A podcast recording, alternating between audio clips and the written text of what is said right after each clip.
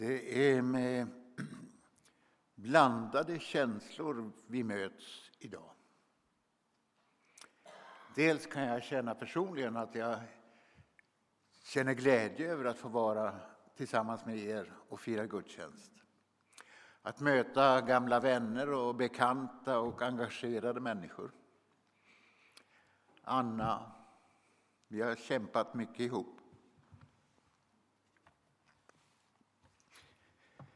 Och Rune och ja, vad vi nu heter. Det är en glädje att få dela gemenskapen här. Och samtidigt så möts vi i en tid då, för att använda Paulus orden, världen skakar i grundvalarna. Redan i inledningen så blev vi påminda om detta ifrån Jesaja och med dina ord. Vi lever i en tid då det ena efter det andra slår till i vår värld. Från de stora övergripande utmaningarna om klimatförändringar och konsekvenserna vi ser runt om i vår värld till krigen. Ukraina och nu senast Israel, Palestina och Gaza gängskjutningarna, ekonomiska utmaningar och så vidare. Det ena efter det andra staplas. Och jag möter så många som känner oro, inklusive mig själv. Vad är det som händer i vår värld? Och vad är det för krafter som styr just nu? Och att då mötas till gudstjänst under temat att leva tillsammans blir både en sorglig känsla hos mig och samtidigt en utmaning. Så läser vi evangelietexten tillsammans.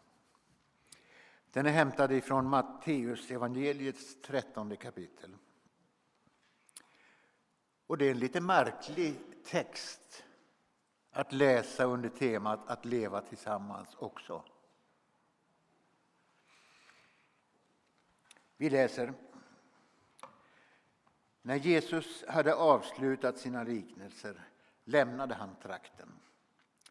Han kom till sin hemstad och där undervisade han i synagogan så att man häpnade och sa Varifrån kommer den här mannen? Den mannens visdom och underverk. Är det inte snickarens son? Heter inte hans mor Maria och hans bröder Jakob och Johannes och Josef och Simon och Judas? Och bor inte alla hans systrar här hos oss? Varifrån har då han fått allt detta som han talar om? Så blev han en stötesten för dem. Men Jesus sa till dem, en profet blir ringaktad bara i sin hemstad och sitt hem. En text som handlar om konfrontation, ifrågasättande under temat att leva tillsammans. Och det är i den frustrationen vi lever. När vi möts till gudstjänst, när vi ber och vi lyssnar till ordet och samtidigt ser vad som händer i vår värld.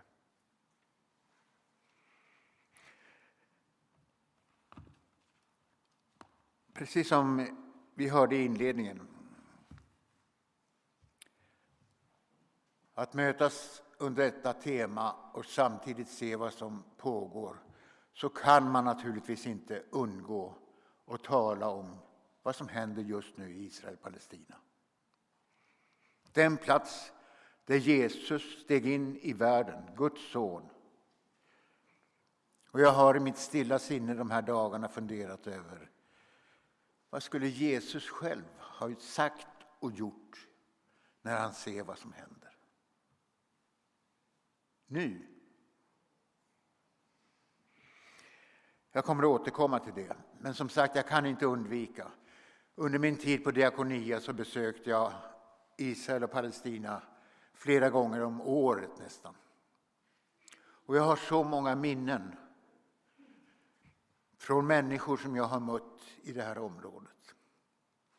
Och jag tänkte få berätta ett par av de minnena som en utgångspunkt.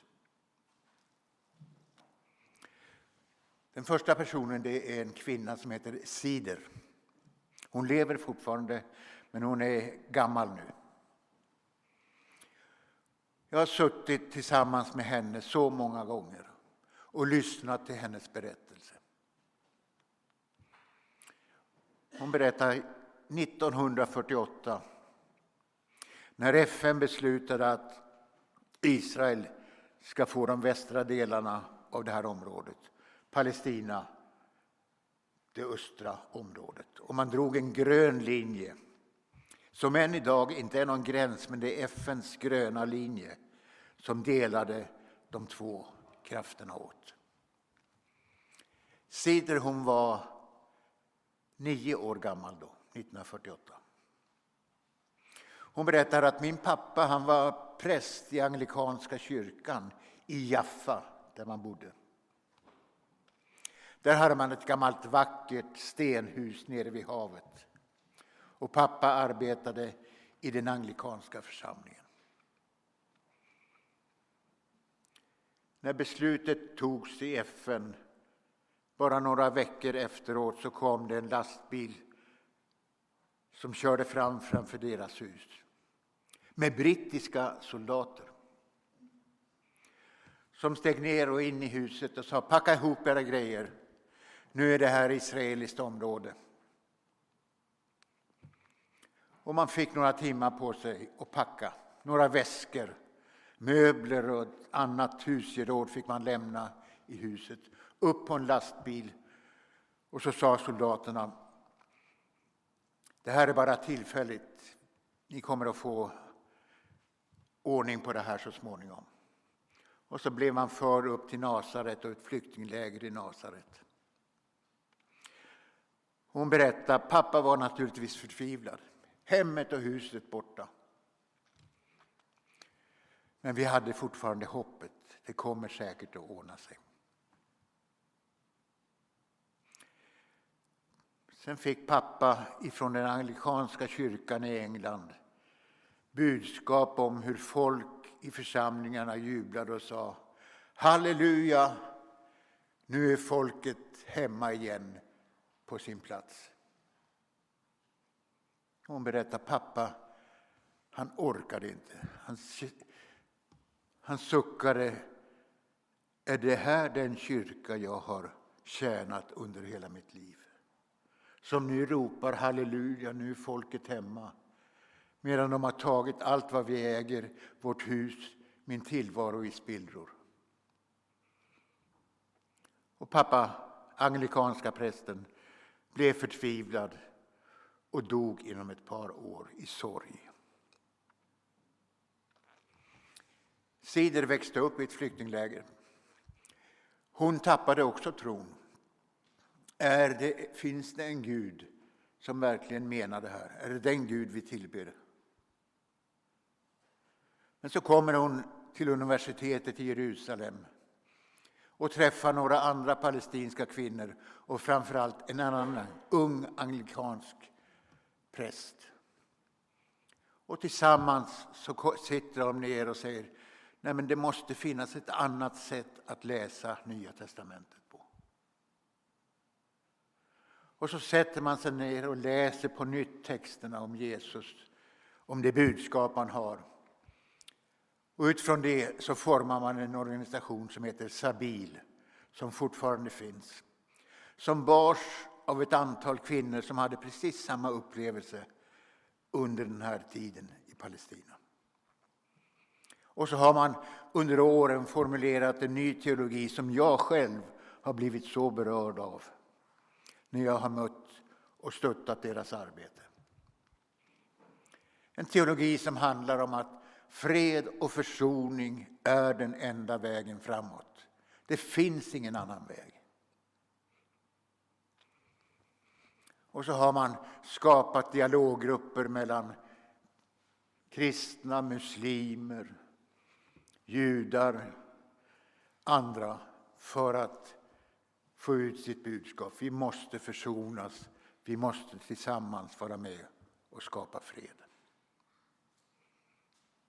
Och när jag tänker på vad de har predikat och undervisat mig om och ser vad som händer just nu med bomber, död, förintelse, hat så känner jag att det är två helt olika världar.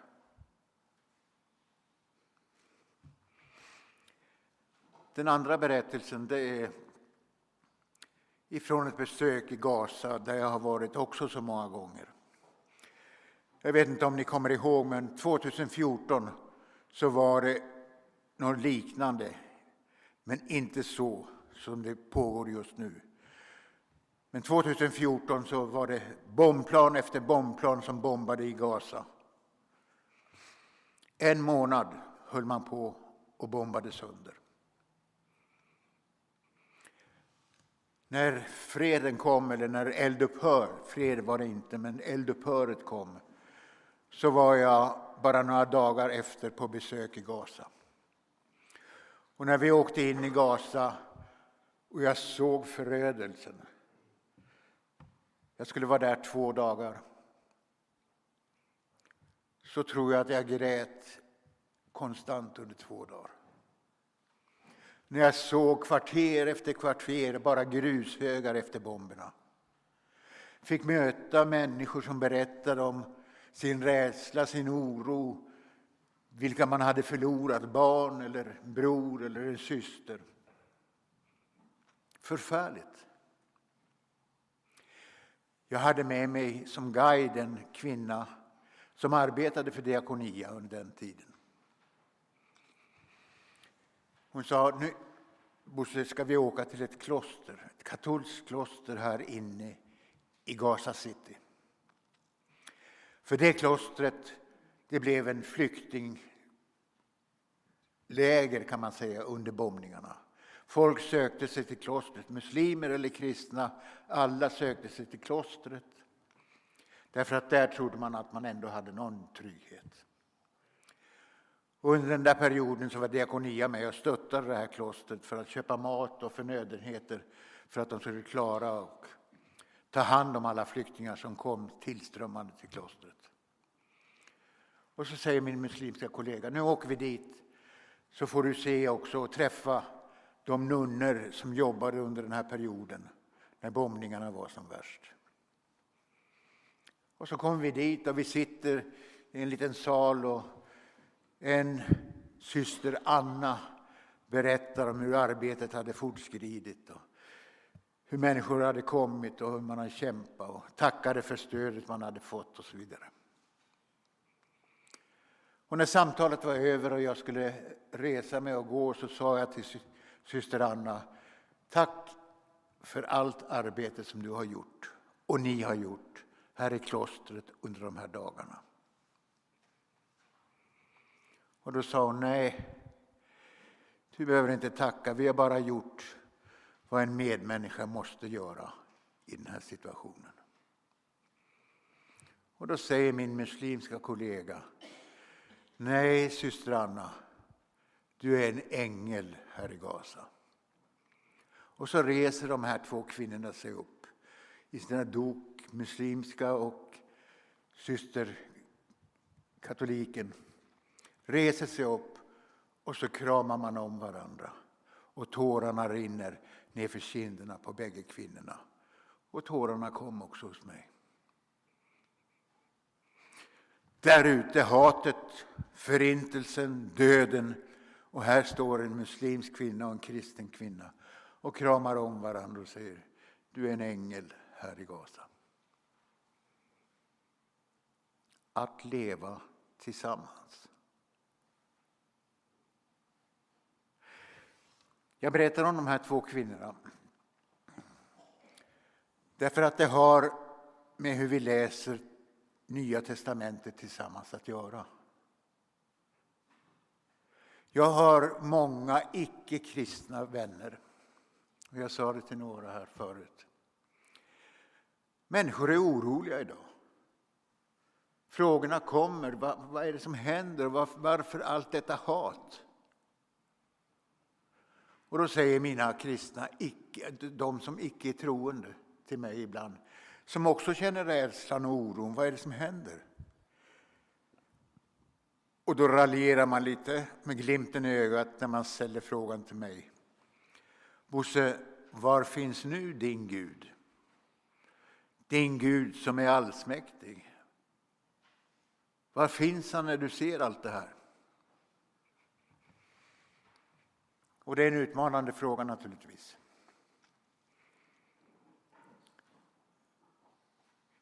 Men då läser jag mitt nya testamente med de kristna palestiniernas blick som de har lärt mig. Och så läser jag på nytt om Jesu tal om freden, rättfärdigheten, rättvisan, kärleken som den enda vägen framåt. Och jag brukar tänka på Johannes 14. I Johannes 14, de kapitlen 13, 14, 15 i Johannes evangeliet är Jesu enda långa avskedstal. Och jag ska inte ta alla bitar i det. Men då säger han bland annat i Johannes 14 i sitt avskedstal. Nu vänner, nu går jag före er för att bereda rum hos min fader och ni kommer efter. Och då finns det två lärjungar. Thomas och Filippos. Och när jag läser mitt nya testamente, ni, ni vet, Thomas fick namnet tvivlaren och Filippos framstår också som en person som hade jättesvårt att förstå vad det egentligen handlade om alltihop. Och när Jesus säger nu går jag före för att bereda rum, ni kommer efter hos min far. Så börjar Thomas och Filippos att diskutera. Du talar om din fader. Vem är han? Vart går du? Visa oss Fadern. Vem, vem, vem är han? Och då svarar Jesus, och då låter han lite trött på rösten. Så länge har jag varit hos er nu och ni frågar fortfarande efter min far. Och så börjar han på nytt. Den som har sett mig, han har sett Fadern. Den som har lyssnat till mig förstår vem Gud är. Han sa inte Thomas och Filippos, ni är hopplösa, ni fattar ju ingenting. Nej, han tog om det. Den som har sett mig, han vet vem Gud är. Vet vem Fadern är. Och då får man ju börja bläddra i sitt nya testamente på nytt. Med den instruktionen. Vem är Jesus? Vad är det han säger? Vad är det han gör? Vad är det han står för? Förstår jag det, då förstår jag också vem Gud är. Och när jag då bläddrar igenom mitt nya testamente på nytt så bibelblad efter bibelblad så berättar Jesus om att hans uppdrag det är för de allra mest utsatta. Jag har kommit för att ge ett glädjebudskap till de fattiga. Jag har kommit för att ge de förtryckta frihet. Den barmhärtige samariten och så vidare. Liknelse, liknelse efter liknelse det är de utsatta. Det är dem jag är här för. Kärleken, rättfärdigheten, rättvisan. Det är den enda vägen framåt. Och då kommer jag till det bibelställe som ni känner så väl till, som jag ofta upprepar. När Jesus går och talar handlar, möter de utsatta, talar om kärleken och solidariteten så säger fariseerna, de som kunde skrifterna. Ja, ja, du talar om kärleken och förlåtelsen. Men du talar aldrig om domens dag. Hur blir det då? Säg något om det. Vad kommer att hända på domens dag? Och då säger Jesus Okej, okay, jag ska berätta hur det blir. Det blir ungefär som när en herde skiljer fåren ifrån getterna. En grupp på vänstra sidan, en grupp på den högra. Och så kommer han att ställa någon fråga. Vilken fråga då? Var du en duktig predikant, Bosse? Nej. Jo, men du, du förde väl någon till Kristus eller du såg till att församlingen ökade? Nej. Han säger, jag var hungrig. Jag var törstig, jag hade inget vatten. Jag var naken och jag var på flykt. Jag till och med satt i fängelse. Var du där? är frågan. Och den här gruppen kommer att säga, Nej, men när skulle vi ha sett dig? Vi såg aldrig dig. Nej, jag vet. Men ni såg heller inte de som hungrade och törstade, som var på flykt, som var nakna och satt i fängelse. Ni brydde er inte. Ni var likgiltiga. Gå bort ifrån mig. Och så vänder han sig till den andra gruppen. Samma sak. Jag var hungrig, jag var törstig. Jag var naken och var på flykt och till och med satt i fängelse. Var du där? Och de svarade, nej men när skulle vi ha sett dig? Vi såg inte heller dig. Nej, jag vet. Jag vet det också. Men ni såg dem som hungrade, ni såg dem som törstade. Ni såg dem som var på flykt och ni brydde er. Allt vad ni har gjort mot en av dessa mina minsta, det har ni gjort mot mig. Kom i min faders välsignade famn.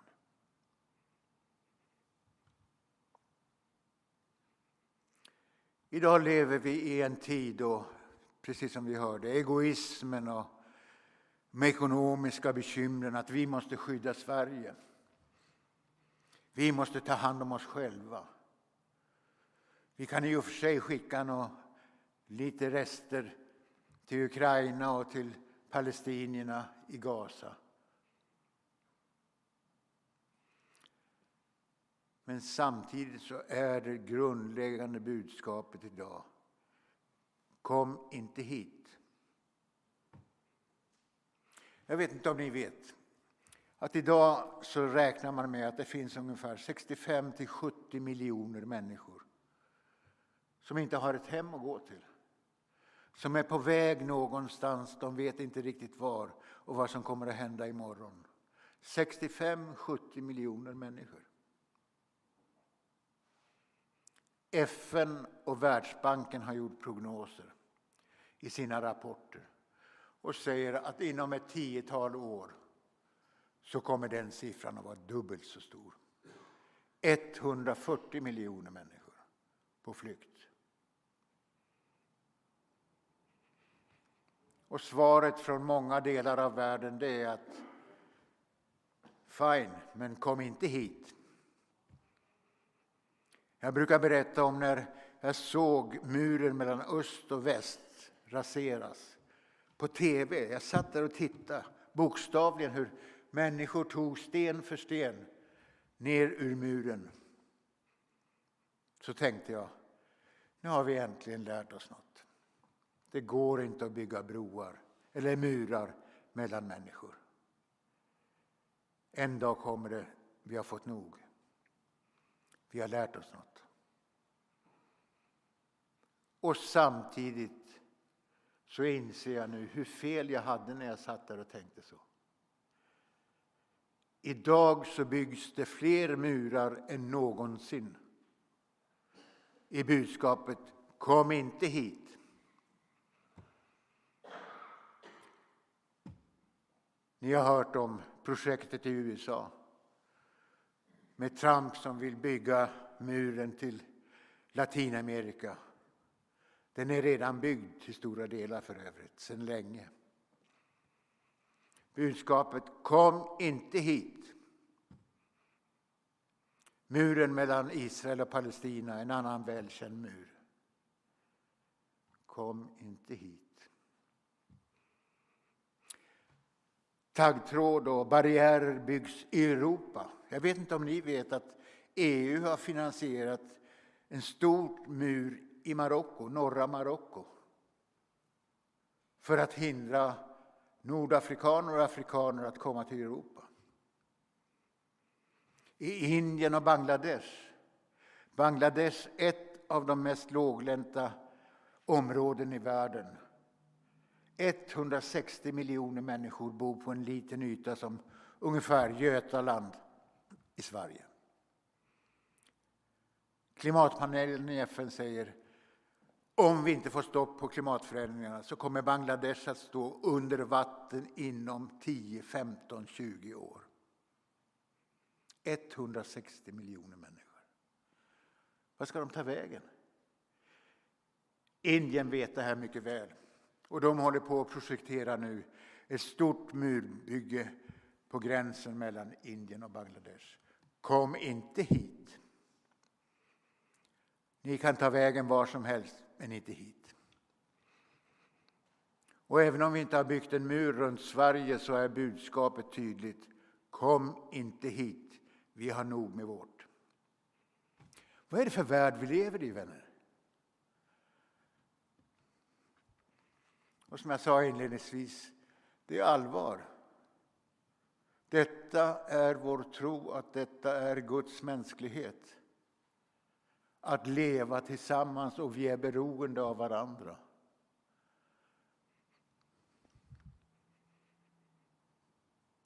Jag var hungrig och jag var törstig. De orden ringer hela tiden nu när blockaden i Gaza är fulländad. Ingen vatten, ingen el, ingen mat. Men bomber, det har vi gott om. Det finns bara en enda väg framåt. Och det är att förstå vem Jesus är. För att också förstå vem Gud är i denna tid. Att få samlas till gudstjänst och sucka. Herre, förbarma dig. Vi kan inte alla vara hjälparbetare eller åka ut till Gaza eller vad vi nu... Men vi kan alla vara med och bidra med omsorgen, förbönen, kanske en gåva till dem som finns där just nu och kämpar för att människor ska kunna överleva. Det är den enda vägen. Försoningen, förlåtelsen, rättvisan. Och därför kan också en förmiddagsgudstjänst i Lidingö en söndag förmiddag som den här bli en gudstjänst då vi överlåter oss själva. Vi tänder ljusen och tänker på de människor som kämpar just nu. Och vi kan få säga, Herre, här är jag. Använd dig av mig. Med mina brister, men också med mina gåvor. Det jag har. Jag vill vara med och bygga någonting nytt. Bygga någonting stort enligt din vilja. Och där uppenbaras Gud i vår tid.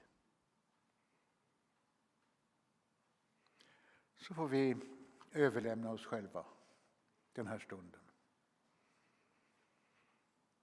Och bedja, Herre, ta hand om mig, men förbarma dig över alla dem som kämpar. Det är att leva tillsammans.